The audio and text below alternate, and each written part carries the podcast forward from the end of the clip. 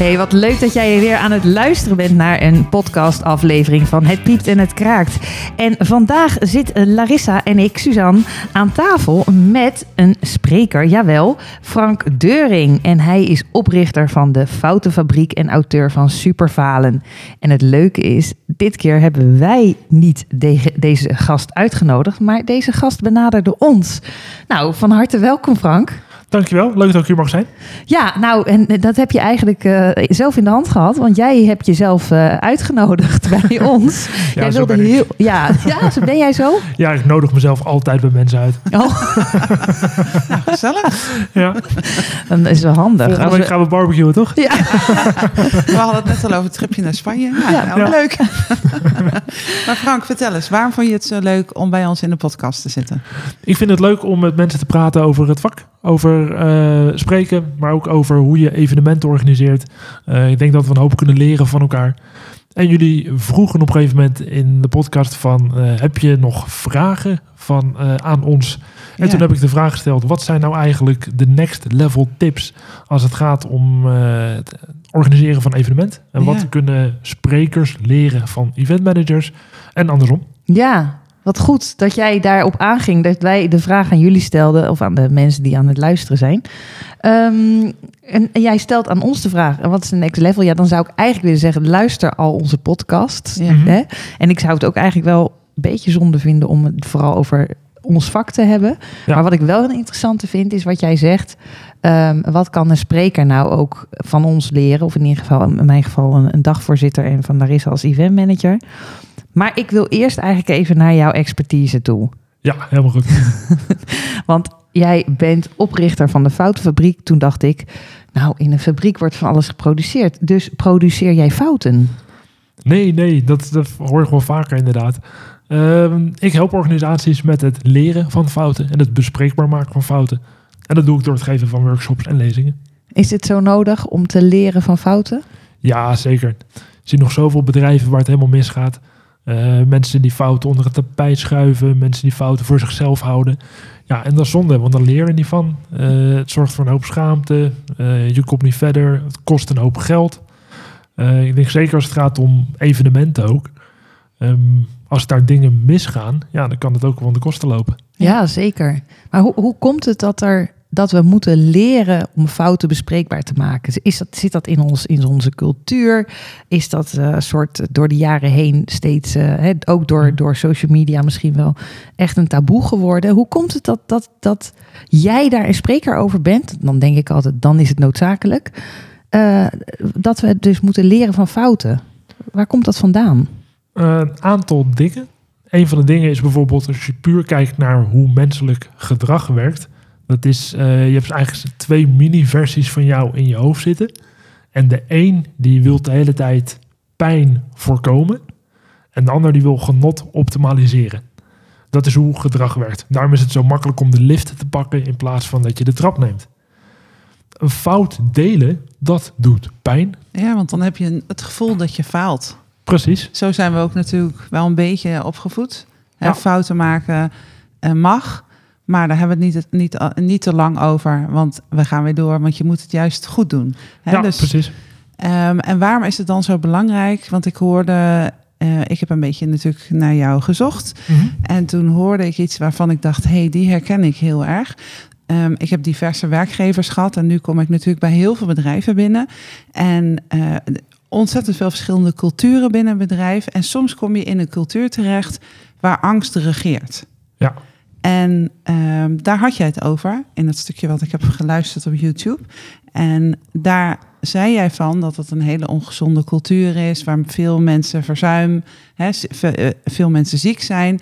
Ehm, en dat er dus eh, het je kwalijk werd genomen als er fouten werden gemaakt. En dus kom je er niet voor uit en hou je het onder, hè, schuif je het inderdaad in die bureaula. Ja. Eh, waarom is het en, en daarbij vertelde je ook dus dat je bij een ander bedrijf was gekomen. En daar was het heel gemoedelijk en eh, een vriendelijke sfeer. En daar kon je je fouten delen. En dan eh, ging, werd er anders naar gekeken van... goh, wat kunnen we ervan leren en hoe kunnen we het de volgende keer beter doen? Ehm, waar, wat, waarom is het zo belangrijk om fouten juist bespreekbaar te maken? En, en hè, de- dat, het dus, dat je dus de boodschappen uitstraalt van het is niet erg om fouten te maken. Want in de basis vindt iedereen het erg om fouten te maken. Ik in ieder geval wel. Ja, natuurlijk. Een hoop mensen. Het is gewoon menselijk gedrag. En Ja. het, het doet ook gewoon letterlijk pijn in je lichaam als, Ja. je, als je een fout maakt. Maar waar, ja, ik ga toch nog heel even. Waar komt dat vandaan dat die fout, dat het gezien wordt als een fout? Of als, als Als dat, dat, dat, dat een fout pijn doet. Waarom is, doet een, een fout pijn? Dat, dat zoek ik nog een beetje. Dat komt puur uit eh, de evolutie. Eh, wij eh, leven in groepen al sinds we, ja, duizenden jaren geleden. Dat is het koffieapparaat dat nu gaat spoelen. Excuus als daar een... Ik dacht, er komt een vliegtuig ja, er over. komt een vliegtuig over. Nou, dat kan trouwens ook. Hè. We zijn aan het opnemen bij mij thuis, eh, bij Suzanne. Die woont in Bergshoek en daar vliegen de vliegtuigen over. Maar dit is het koffieapparaat wat je Oké. op de achtergrond hoort. Ai, we hadden alle geluidjes uitgezet. Maar hier heb ik een fout. hey, hij doet bij mij geen pijn. Nee, dat is heel erg fijn. dat is ook een, een klein foutje dit. Ja, dit is een klein foutje. Nou, Maar goed, maar heb jij, heel eerlijk hè? Ja. Ik bedoel, ik weet hoe jij werkt. Eh, en ik weet ook hoe ik zelf werk. Ik Ja. ben een perfectionist Ja. op het, mijn vakgebied. Ja, Jij bent ook een perfectionist. Als jij als dagvoorzitter eh, bijvoorbeeld mij aankondigt als Mhm. Sonja Shavers, Mhm. die voel je echt wel hoor. Zeker, nee, fout. zeker, zeker, zeker. Maar daar wil ik zo meteen wel even wat over zeggen. Hoe ik met fouten omga. Want daar, daar zit wel een gradatie in. En daarom wilde ik ook heel graag wel met Frank het gesprek. Want ik heb daar ook wel een idee en een mening over. Maar ik, ben, ik ga nog even terug naar die groep. Die evolutie van Ja. Frank. Inderdaad. Ehm, je hebt elkaar nodig om te kunnen overleven. Ja, En op het moment dat jij een fout maakt, dan kan het zijn dat je onbewust denkt van ja, nu word ik uit de groep gemieterd. En dat is hoe kom jij over op andere mensen. Daarom is hetzelfde met schaamte. Schaamte is een emotie. Schaamte is een angst voor onverbondenheid. En dan ben je dus bang dat je uit die groep wordt gemieterd. En vroeger had je die mensen nodig om te jagen, om eten te zoeken. En anders loop je in, jezelf, in je eentje in je berenvel met zo'n Ja, klots Samen rond. ben je En natuurlijk dan, eh, sterk. Ja. ja. ja, dus dat is een stukje wat erachter ligt. Anderzijds, ehm, je ziet dat management zich heel langzaam ontwikkelt. In de industriële revolutie, toen had je nog heel veel productiewerk. Dus dan moet je gewoon boutjes ergens inschroeven. Ja, dan kan het helpen om met angst eh, te managen. Gewoon harder werken en als je het niet goed doet, dan lig je eruit. Dan gaan mensen harder werken. Maar dat was in een fabriek 100 jaar geleden. Nu moeten we samenwerken. Innovatie is belangrijk, creativiteit. Als jij een beetje een raar idee hebt, dan moet je dat wel op tafel durven leggen. En misschien is het inderdaad een raar idee, slaat het nergens op. Maar stel nou dat jij een raar idee hebt wat jouw hele business gaat veranderen. Ja, dan moet je wel veilig genoeg voelen om Ja. dat op tafel te leggen, Ja. durven leggen. Ja, zeker. Zeker. En jij zegt ook, eh, ehm, hè, bij het ene bedrijf is het eh, echt een, een no-go, eh, fouten maken. Angstcultuur, zegt hier Larissa ook. Heeft dat dan een beetje te maken dat het management ook het ziet als een fout of falen op het moment dat iemand anders een fout of faalt? Een fout maakt of faalt? Is Ja. dat dan zo die, die zeg maar, de, de opstapeling daarvan? Ja, het management is super belangrijk in, deze, in dit verhaal.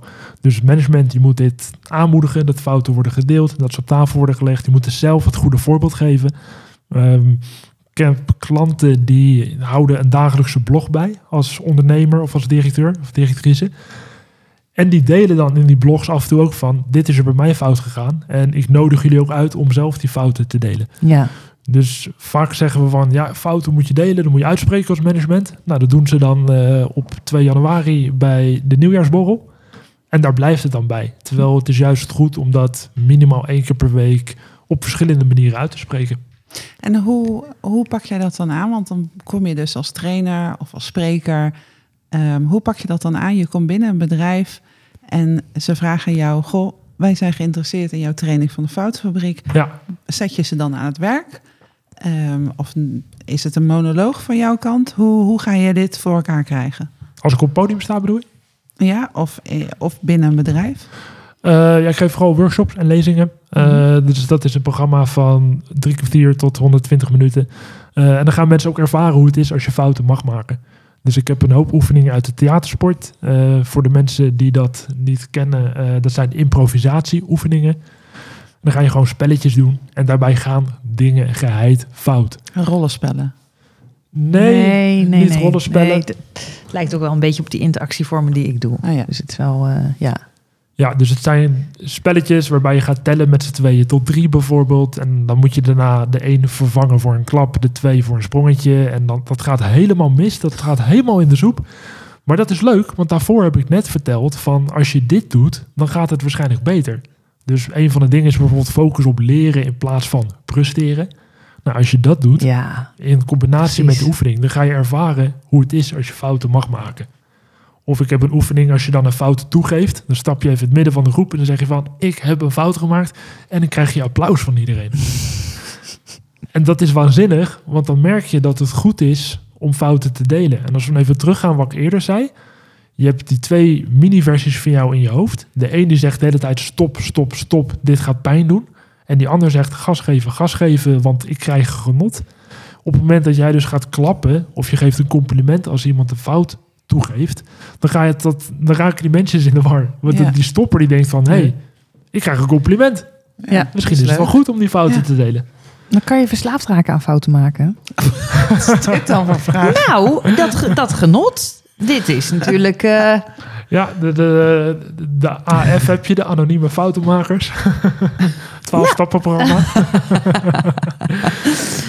nee, ik denk niet dat je er verslaafd aan kan raken. En, eh, Nee, mensen- maar eh, eh, zonder gekheid. Hè. Maar waar ook een, stel, ik bedoel, eh, ehm, daar waar een angstcultuur is, is het natuurlijk zo, zo aanwezig. Ja. En ik bedoel ook, kan je het ook zo creëren dat het ook gewoon in de organisatie, eh, eh, ehm, nou ja, wat jij zegt, dat het echt wekelijks bespreekbaar wordt gemaakt. Dat fouten maken een onderdeel is van de wekelijkse agenda of van de stand-up eh, s ochtends, de maandagochtend eh, opening.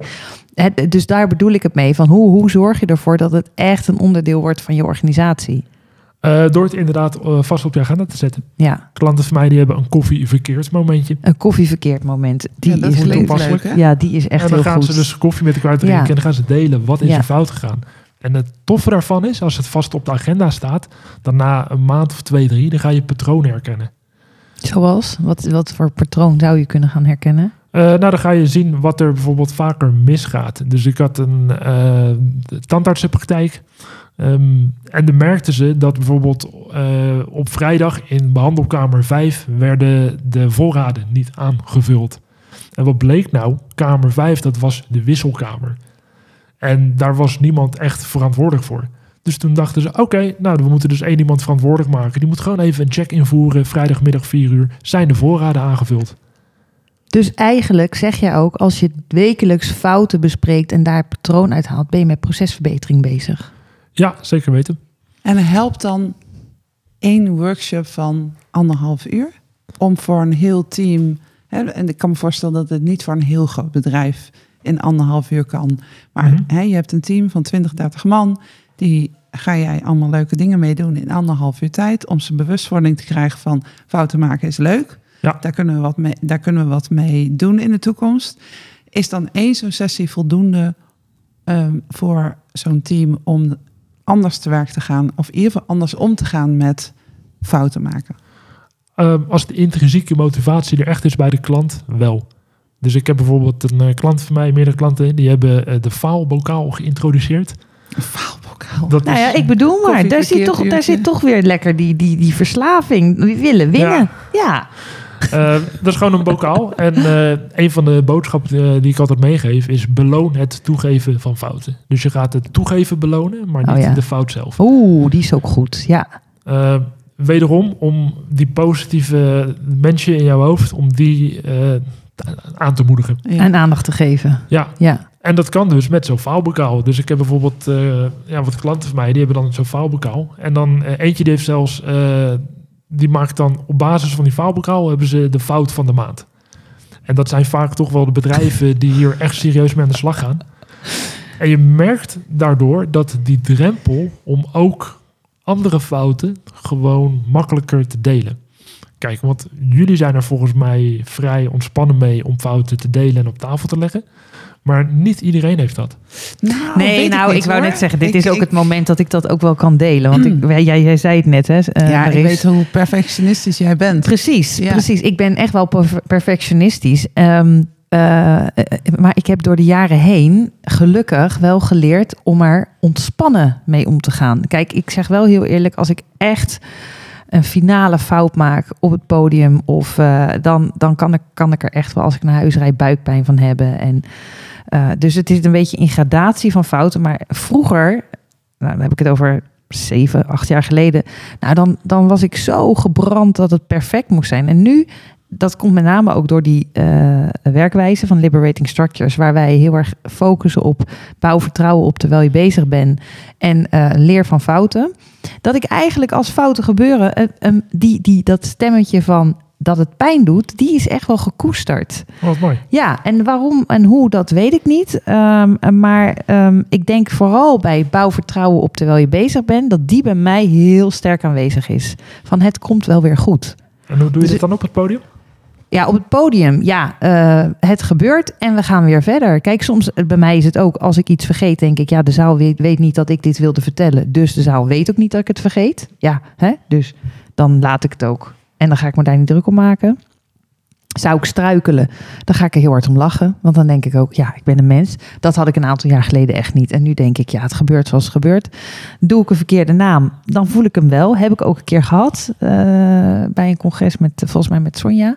Eh, maar ja, dan, dan zeg ik op dat moment excuus. Ja, eh, oh, dus, ja, dat, Ja. Hè? En dan, maar dan daarna herstel ik en dan ga ik wel verder. En dan voel ik hem nog wel, maar ik denk dan weer bouwvertrouwen op terwijl je bezig bent. Dit is geweest, we gaan door met het andere waar je wel je goed op voorbereid hebt. En het is natuurlijk ook hoe, hè, als je een verkeerde naam uitspreekt.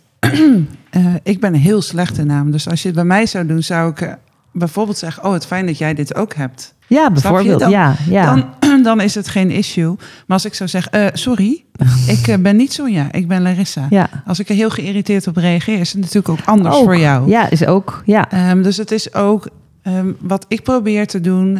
Maar ik ben eigenlijk net zoals Suzanne echt heel perfectionistisch. Mhm. Eh, en dat moet ook in mijn vak, want wij hebben echt draaiboeken waar je u tegen zegt. En in mijn streven is altijd, de events die ik draai, die lopen niet uit. Omdat alles natuurlijk effect heeft op elkaar. Als een cateraar om tien over twaalf klaar moet staan met de hapjes, want er is maar twintig minuten pauze, ben ik zwaar geïrriteerd als hij kwart over twaalf klaar staat. Hetzelfde andersom. Als ik zeg je moet tien over twaalf klaarstaan en ik kom twintig over twaalf met 500 man de ruimte uit, zijn de hapjes afgekoeld, is de cateraar zwaar gefrustreerd. Dus en voor mij is dat een stukje respect naar elkaar. Ja. Ja. Ehm, en zo probeer ik ook altijd mijn klanten en sprekers en iedereen te behandelen van... eh, je mag alles tegen me zeggen, maar ik mag ook alles tegen jou zeggen. En laten we het hè, eh, plezierig met elkaar hebben en elkaar met respect behandelen. En dat is ook als er fouten worden gemaakt. Op een evenement gaat er altijd iets mis. Altijd. Ja. En ehm, sommige kan je herstellen door, wat net Suzanne zei. Het publiek weet niet dat ik dit zou zeggen. Het publiek weet niet dat dit in het programma zit. Dus Frank, eh, doordraaien, want de volgende spreker heeft net zijn been gebroken. Dus eh, ga maar door. En dan ga jij op, je, eh, op jouw wijze door, want we moeten tien minuten bijvoorbeeld nog even verlengingen hebben. Ehm, maar er zijn natuurlijk ook dingen die wel zichtbaar zijn, zoals een naam Ja, uitspreken zeker. is zichtbaar. Dat is heel vervelend. En dat probeer ik ook altijd tegen de crew en tegen alle sprekers te zeggen. Het is mensenwerk. Dus als iemand eh, iets vergeet, want daar hou ik dan op, iets vergeet, eh, of niet doet, eh, iedereen staat wel een beetje onder spanning met een ja, is ook. Is ook. Ja. Dus probeer elkaar op een leuke manier eraan te herinneren van... eh, nou, Suzanne, heel fijn eh, dat jij zo enthousiast hierover bent. Maar er is nog een spreker. Dus die wil ik graag ook even het woord geven. Is wat anders dan Suzanne afkappen zeggen... op het klokje te kijken, ik zie dat jouw tijd voorbij is. We gaan door naar de volgende spreker. Dan voelt Suzanne zich in de hoek gedrukt... En de ander Ja. spreekt, oh, en Ja. nu moet ik dus aan. Terwijl je kan het ook op een zachte manier brengen. En zo heb je dat ook met cateringpersoneel. Die bijvoorbeeld, ik had laatst nog op een evenement... die denkt dat ze backstage aan het roken is. Maar er zat, zeg maar, de, ze stond één meter achter de bar. Dus duizend man kon haar zien roken. Dus mijn... intrinsieke motivatie op. Zegt, opzouten, niet hier staan te roken. Maar dan zeg ik, joh, heb je door dat duizend man jou hier kan, kan zien roken? Ja, die- oh, oh, ja, oh, sorry, ja. sorry. Ik Ja. zeg, ja, ga even een metertje achter. Het was wel een sigaret, toch? Ja, ja, het was zo. Sterkers. Nee, nee, nee, het was een sigaret. Maar weet je, dat gebeurt natuurlijk heel veel in de evenementenbranche. Ehm, dat mensen roken. Ik denk dat het eh, een branche is waar de. eh, Dus die faciliteit, of je nou wel of niet een, een, opdrachtgever heeft die eh, wil dat er op het evenement wel of niet gerookt wordt. Ehm, Nou, kijk, het grappige is dat ik hier nu door jouw verhaal ook ga denken. En dan kijk ik ook even naar Frank. Wat is een fout? Want Ja. soms gaan de dingen ook gewoon niet zoals je van tevoren had gepland. Hè, dat, Ja. dat wordt natuurlijk ook gezegd. Je moet het niet als fouten zien.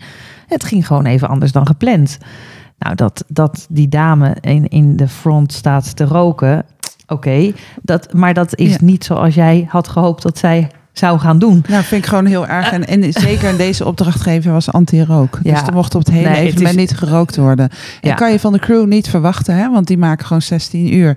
Dus daar probeer je al te faciliteren dat ze ergens kunnen roken. Maar als je dan wel op de eerste rang ongeveer gaat roken, Nee, dat is echt- niet handig. Nee, maar ik, ik moet ook wel zeggen dat door, doordat ik anders naar de zaken ben gaan kijken die anders kunnen lopen dan verwacht. Want zo zie ik het ook liever. En ook bouw vertrouwen op terwijl je bezig bent. Dat is voor mij echt een heel Ja, belangrijk Dat vind ik wel een mooie opmerking. Hè? Bouw vertrouwen op terwijl je bezig bent. Ja, die Ja. helpt mij ook om veel zachter naar mezelf te zijn. Veel liever in de voorbereiding of in de uitvoering als het, als het niet goed gaat. Ja, Ja, nou, dat vind ik, die, die, die status heb ik nog niet. Dat ik lief tegen mezelf ben, maar ik ben wel lief tegen anderen. ik wou net zeggen, dat vind ik bij jou echt ijzersterk. Ik hoor het jou zeggen, joh, heb je door dat? En ik weet Ja. van binnen dat jij echt kookt. Ongeveer kook. Ja. Maar jij hebt echt een gave ja. om de dingen heel lief te zeggen, Frank. Dus als ze heel lief is tegen je, een keer als je zeker bent, Dan maak je een fout. Dan weet Nee, ik dat er van binnen iemand helemaal laaiend is. Nee, maar ik vind het namelijk heel vervelend als iemand mij. Ik, ben, ik weet van mezelf dat ik heel direct ben. Heel direct. Ehm, maar, en dat, dat kan ook op een leuke manier en op een respectvolle manier. Eh, Maar als mensen mij het gevoel geven dat ik niks waard ben, dan word ik, terwijl ik 1,84 meter ben, word ik een heel klein meisje. En dat vind ik een heel irritant gevoel. Ja. En ik wil dat niemand dat bij mij voelt. En eh, dat proberen, dat, dat, weet je, dat probeer ik mijn hele leven al te doen. En ik weet ook, mijn gezicht tekent. Als ik boos ben, dan kijk ik boos. Maar dan probeer ik toch nog iets liefs uit te krijgen. Mooie. Ja, zeker. Hoe ga Ja. jij om met, eh, met een fout Die je zelf Frank? maakt. Ja, Eh goeie. Ehm, wat ik echt wel ontwikkeld heb de laatste jaren is inderdaad gewoon een stukje aardig zijn tegen jezelf. Ehm, je vroeg net, wat is eigenlijk een fout? Een fout is, zoals ik hem neerzet met de foutenfabriek, is een onbedoelde afwijking. En dat je een positieve intentie hebt en een negatieve uitkomst. wacht Nog even. een keer, wil je me Ja. even herhalen? Een onbedoelde. Nummer 1 is een onbedoelde afwijking. Ja. Nummer 2 is een positieve intentie. En nummer 3 is een negatieve uitkomst.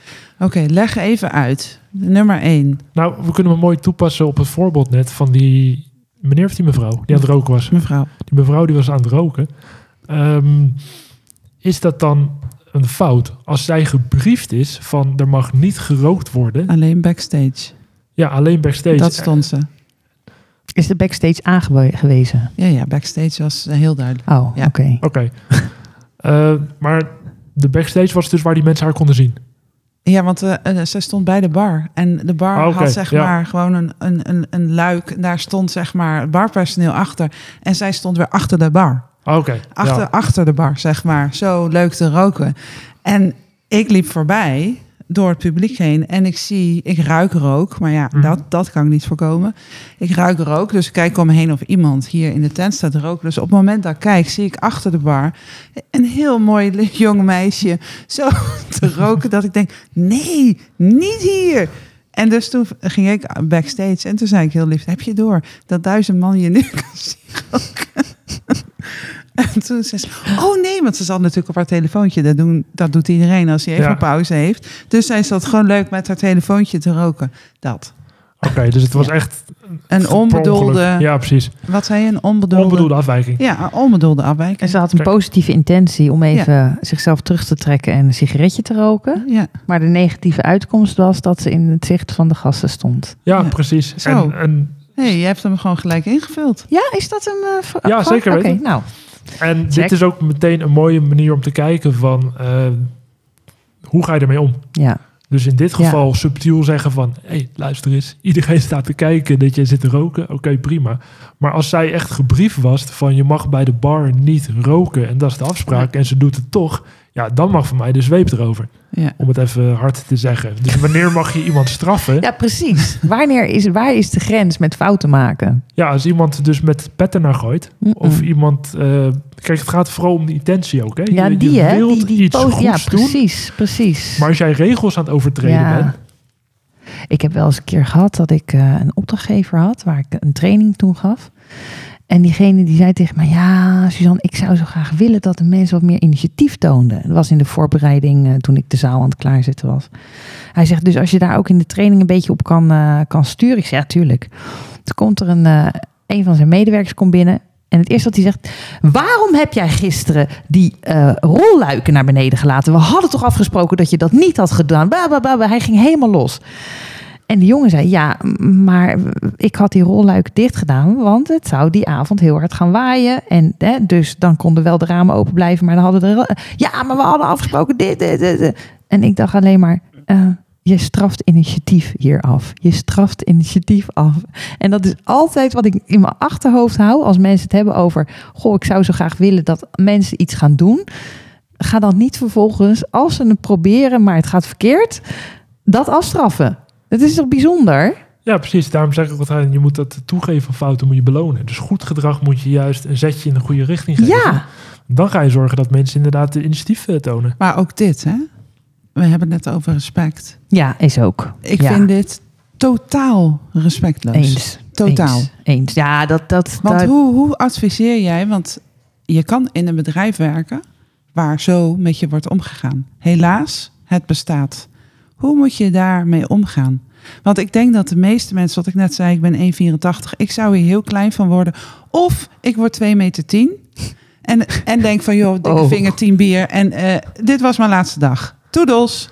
Ja, dat. De- ik, voor mij zijn er dan twee smaken. Ik word heel klein en denk, oh, wat heb ik nu weer verkeerd gedaan? ja, Of ik denk, nou, dit is echt, mijn grens gaat voorbij. Eh Doei. ik ga. Ja, en daarom is het juist zo zonde als die fouten zo hard worden afgestraft. Want jij zegt nu van, doei, ik ga er vandoor, ik ga ergens anders werken. Ja, als iemand uit de dienst gaat, dus als je kijkt naar het verloop binnen organisaties, dat kost gemiddeld al 10.000 euro per werknemer die weggaat. Ja. Dus dat fouten afstraffen, het kost ook gewoon keihard knaken. Ja. ja. Nu zeg jij, Zo, ik ga echt, er vandoor, maar misschien zeg je van, joh, eh, ik bel op muziek. Ja. Of misschien ga je wel de burn-out in. Nou, dan kost het 100.000 euro per Nou jaar. ja, kijk, als dit dagelijks wordt toegepast... Ik kan me voorstellen dat je op een gegeven moment richting een burn-out gaat. Want je raakt Ja, jezelf helemaal kwijt. Klopt, klopt. Ik vind dit echt bizar. Ja, maar het grappige is, weet je, stel dat zo'n rolluik eh, kapot was gegaan, hè, bij wijze van, dat is dus min, had minder gekost dan dat hij dus een nieuwe medewerker in dienst moet nemen. Ja, precies. Ja, of dat hij twee jaar in de ziektewet gaat. Ja, of Ja. zo, inderdaad zeg. Ja, wat leuk is, ik had ook een tijdje geleden had ik een, een blog geschreven en had ik dit een beetje beschreven. En dat ging dan over het thema afhaken of aanhaken. Ja. Hè, afhakers kosten geld, aanhakers leveren geld op. En toen kreeg ik een reactie van een van die lezers en die zei van... Wij hebben net een bouwproject afgerond. Eh, ze hadden een vakantiepark gebouwd of zoiets. En ze zeiden, juist door die instelling van die aanhakers... dus mensen die meedenken en vooraf kijken van... oh, dit gaat er fout, laten we het anders doen... hadden ze het een maand sneller afgerond Echt? dan gepland.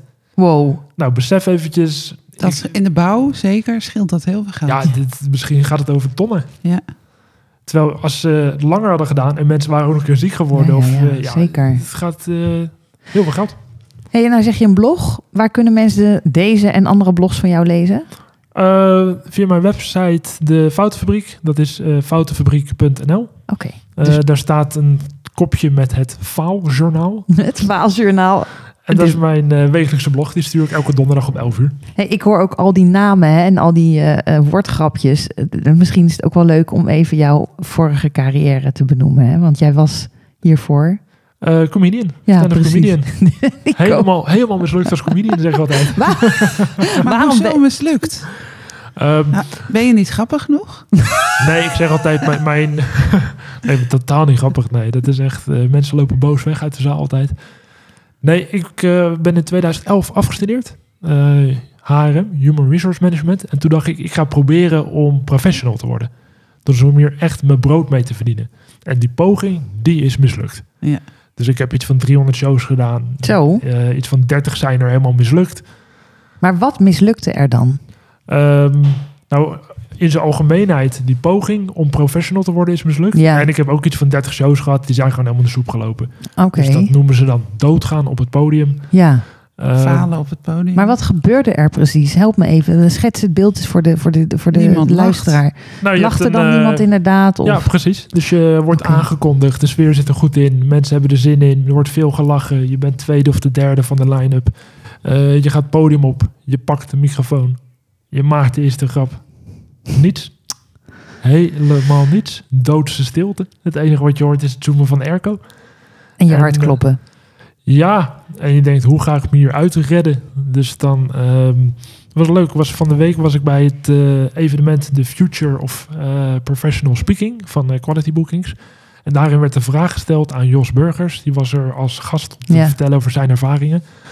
Wat moet je nou doen als je een, een lezing aan het geven bent of een workshop en halverwege merk je gewoon, dit gaat voor geen meter. Ja, En toen vertelde hij iets wat ik nog herkende uit mijn comedy-tijd.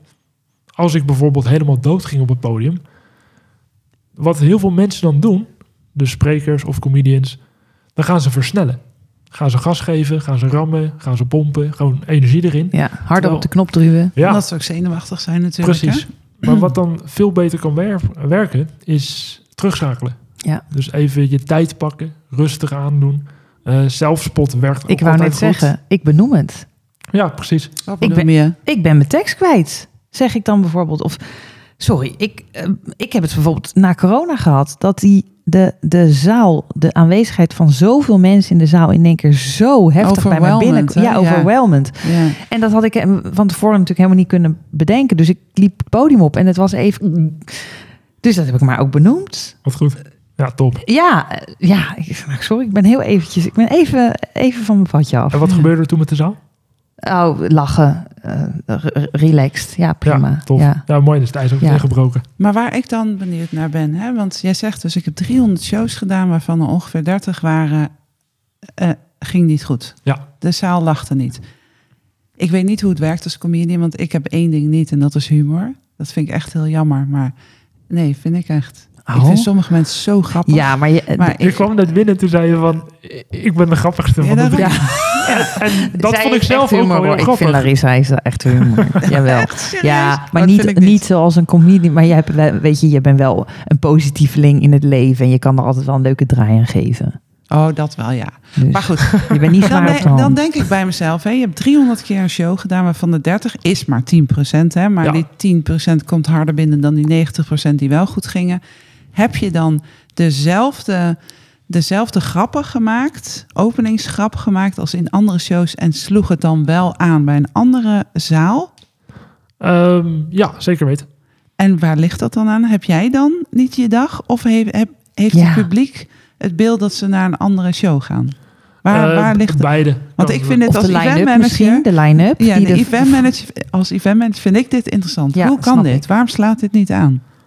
Het kan zijn dat het totaal geen match is met het publiek. Dus ehm, ik had vooral in het begin had ik wat, eh, wat, ja, wat, woordgrappen, wat, wat zelfspot. Ehm, en bij sommige publieken sloeg dat heel goed aan. Dus dan had ik ze meteen en dan aten ze uit mijn hand. Maar sommigen die vonden dat te simpel, te makkelijk. En die willen liever wat meer eh geëngageerd, wat ja. intelligenter, Ja. eh, wat meer verhalend. Wat heb jij nodig van bijvoorbeeld een eventmanager om te... Oh nee, je bent natuurlijk nu spreker. Je bent Nee, maar, geen cabaretier. Ja. Je kan het nu nog steeds zeker Ja. wel doortrekken. Ja, want wat, wat heb jij dan nu van die eventmanagers nodig, zodat jij ehm, wel ervoor kan zorgen dat het aansluit?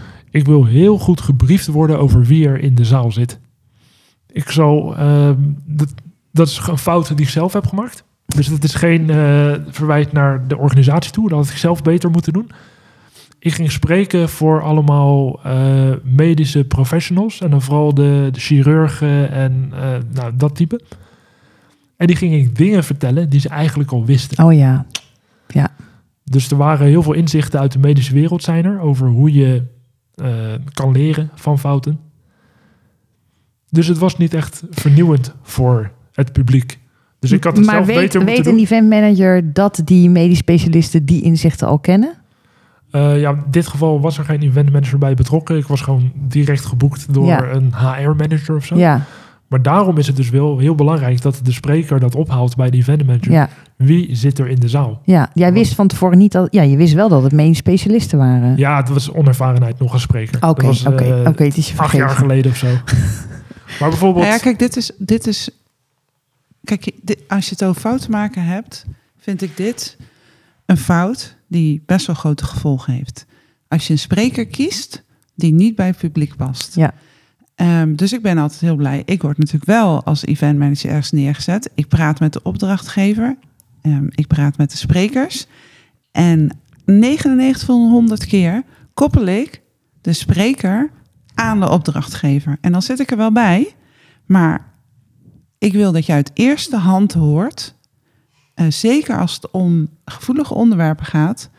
eh, en zeker fouten maken. Dat is een, ja, een, een cultuur waar. Hè, als, je wordt, als jij wordt ingehuurd om over fouten te maken, mag. eh, dan is er dus blijkbaar iets in de cultuur niet goed. Dus dan is het eigenlijk een heel gevoelig puntje. En vind ik dat je uit eerste hand moet horen wat de cultuur is binnen dat bedrijf en hoe er wordt omgegaan met fouten. Dus ik zou hem echt zo oppakken van, sorry Frank, heb je hier geen tijd voor? Of sorry opdrachtgever, hier moet je tijd voor hebben, want juist als je over dit soort onderwerpen gaat praten, kan je het, het goed gaan of slecht gaan en ertussenin zit niet. Want het spreekt aan of het spreekt niet aan. Dus ik, ja, ik ben een event manager die ehm echt erop hamert met alle sprekers ehm, en alle dagvoorzitters. Er is een gesprek en soms ook meerdere gesprekken tussen opdrachtgever en Ja. eh, degene die op het podium staat. Ja. Relaxter voor jou, relaxter voor de opdrachtgever, want die weet wat er. Hè, die kan nog net zeggen: Oh, maar nee, dat kan je beter niet zeggen, want. hup. Of oh, nu je het daarover hebt, dit gebeurt heel vaak bij ons. Hè. Jij wakkert ook iets aan waardoor je meer informatie krijgt. Heel belangrijk. Ja. Heb je nog iets dat je zei? Want we begonnen eigenlijk net eh, de, de vraag van eh, hoe ga je met je fouten om? Hè? Of hoe, Ja. eh, wat heb je? Dus dit. Is er nog iets? Of ook wat jij zegt, nou dat wil ik ook van jullie weten of andersom? Wat jij nog heel graag aan ons ook mee wil geven?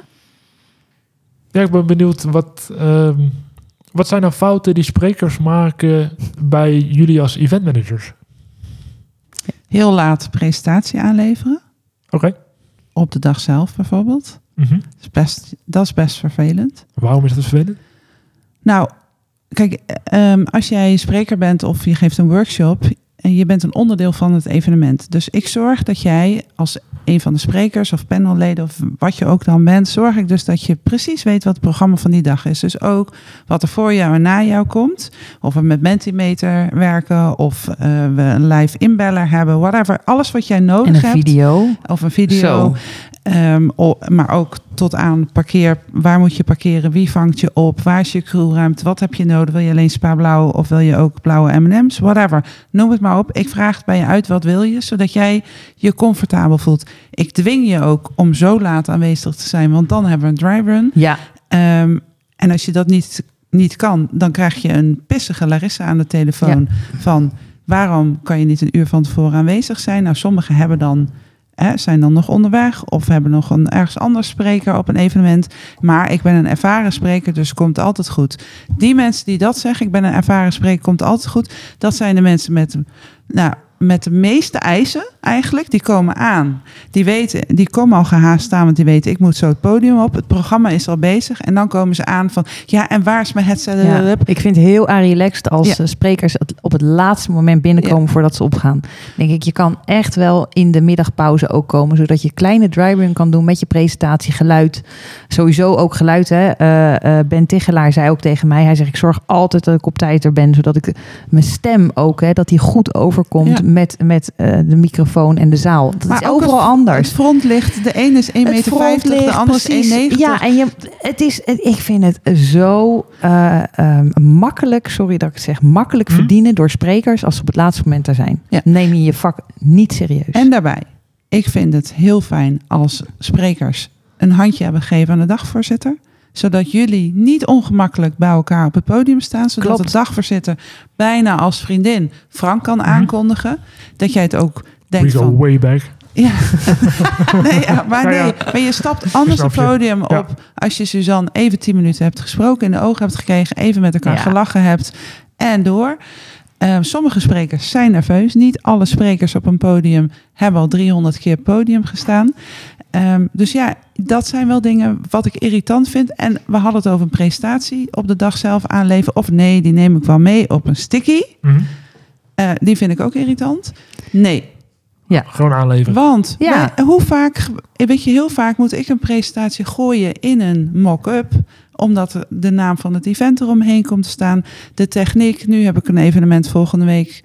ehm, daar wordt gewerkt met een videowall. Dus als er een video in een presentatie zit, moet het geluid vertraagd afgespeeld worden. Anders dan gaat het niet goed met het geluid en het filmpje. Dat zijn allemaal technische dingen. Die moeten gewoon van tevoren geregeld worden. En ik wil alles een week van tevoren hebben. Kijk, hoppa. En, en anders krijg je een niet zo lieve Larissa aan de telefoon. Heel goed. Ik vind het irritant. Ik doe mijn werk, jij doet jouw werk en beide zijn... Precies, Yes. precies. En dat is, hier komt weer dat stukje respect Ja, ook, hè? Respect. Ik wil hem van jou ook nog horen. Frank, tot slot. Welke fout doen, eh, doet een, eh, maakt een dagvoorzitter of een eventmanager waar wij weer van kunnen leren? Dat jij dat hier aan ons meegeeft. Ik vind inderdaad, wat jij net allemaal vertelt, vind ik ook zo ontzettend fijn in de voorbereiding. Eh, want het zorgt gewoon dat je super relaxed die opdracht uit kan voeren. En je hoeft alleen maar bezig te zijn met jouw werk. Dus namelijk zo goed mogelijk die keynote of die workshop of die lezing Ja. te doen. Ehm,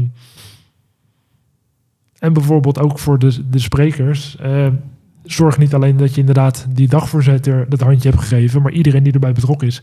Ja. Dus ook de mensen achter de bar, als het, eh, als Oh, in de wat zaal goed. zijn. Ja, Eh, de, de techniek. techniek, ja. Techniek, weet je, die kan jou maken en breken. hè? Precies. Ik had Die eh, kan zo het geluid eh, toen ging er wat mis.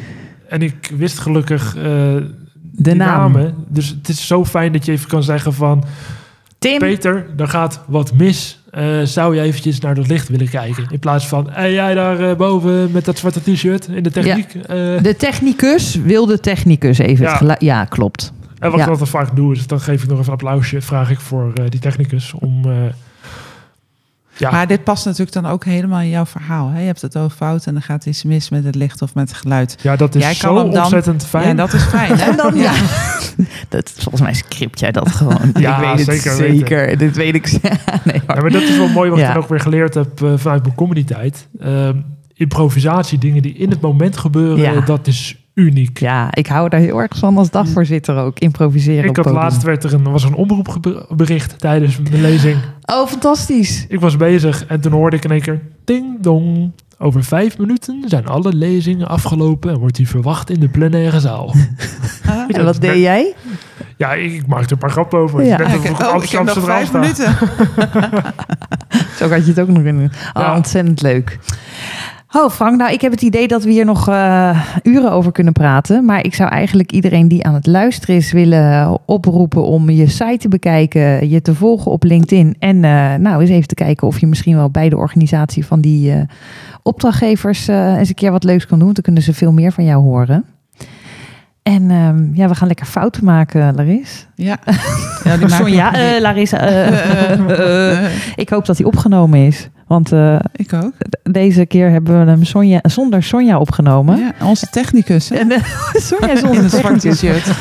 Frank, dankjewel dat je hier bent gekomen en met ons eh, dit leuke gesprek hebt willen voeren. Dankjewel. En tot de volgende keer.